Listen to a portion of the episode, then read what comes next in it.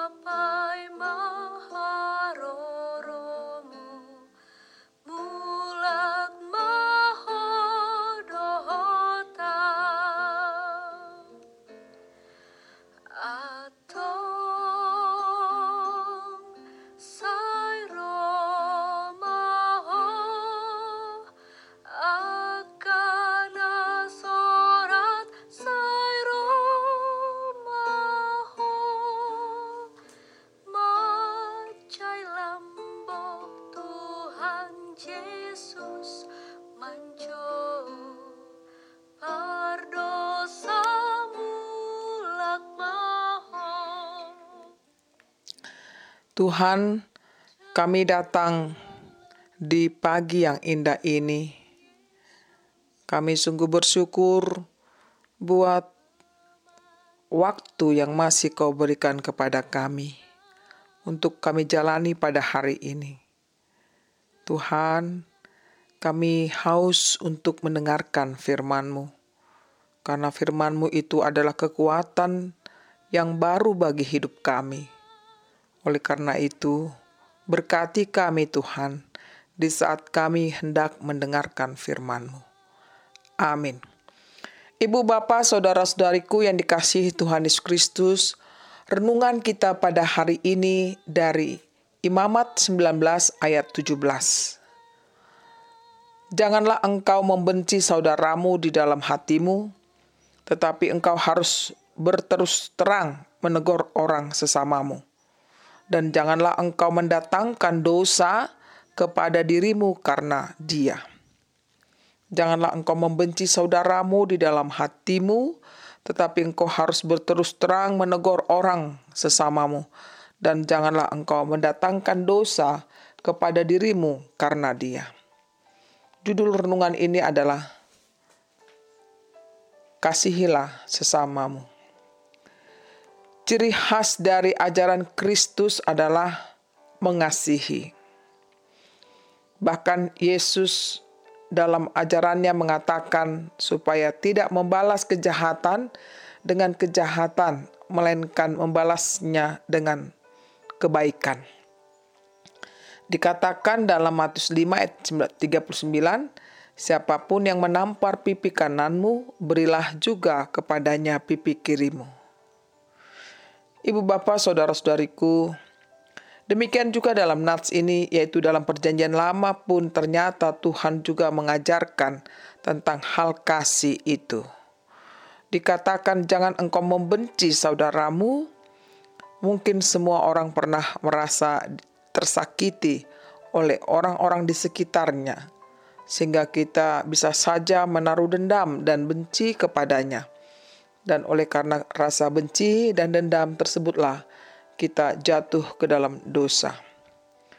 Tuhan tidak menginginkan kita umatnya yang telah ditebusnya hidup di dalam dosa. Maka dengan keras ia mengatakan, jangan membenci, jangan menyimpan dendam, tetapi tegurlah dia dengan cara berterus terang. Jangan menyimpan dendam dan kita harus mampu mengampuni orang yang bersalah kepada kita sebab Tuhan telah lebih dulu mengampuni dosa-dosa kita. Saudaraku, memang tidak mudah untuk mengampuni orang yang bersalah kepada kita. Tetapi itulah yang Tuhan inginkan dari hidup kita.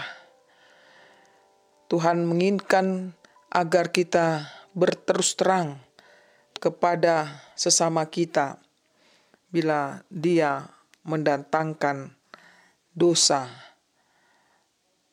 Mampukah kita untuk melakukan berterus terang menegur orang sesama kita itu? Jawabannya tentu dengan ketulusan hati dan dengan dasar kasih kita kepadanya, maka kita dimampukan untuk menegur sesama kita yang telah menyimpang dari jalan Tuhan. Tuhan menolong kita tentunya ketika kita melakukan kehendaknya. Yang penting kita tidak membenci saudara kita, tetapi kita melakukan kasih kepada sesama kita. Tuhan pasti menolong kita untuk melakukan kasih itu kepada sesama kita. Selamat beraktivitas hari ini. Tuhan memberkati kita semuanya. Amin.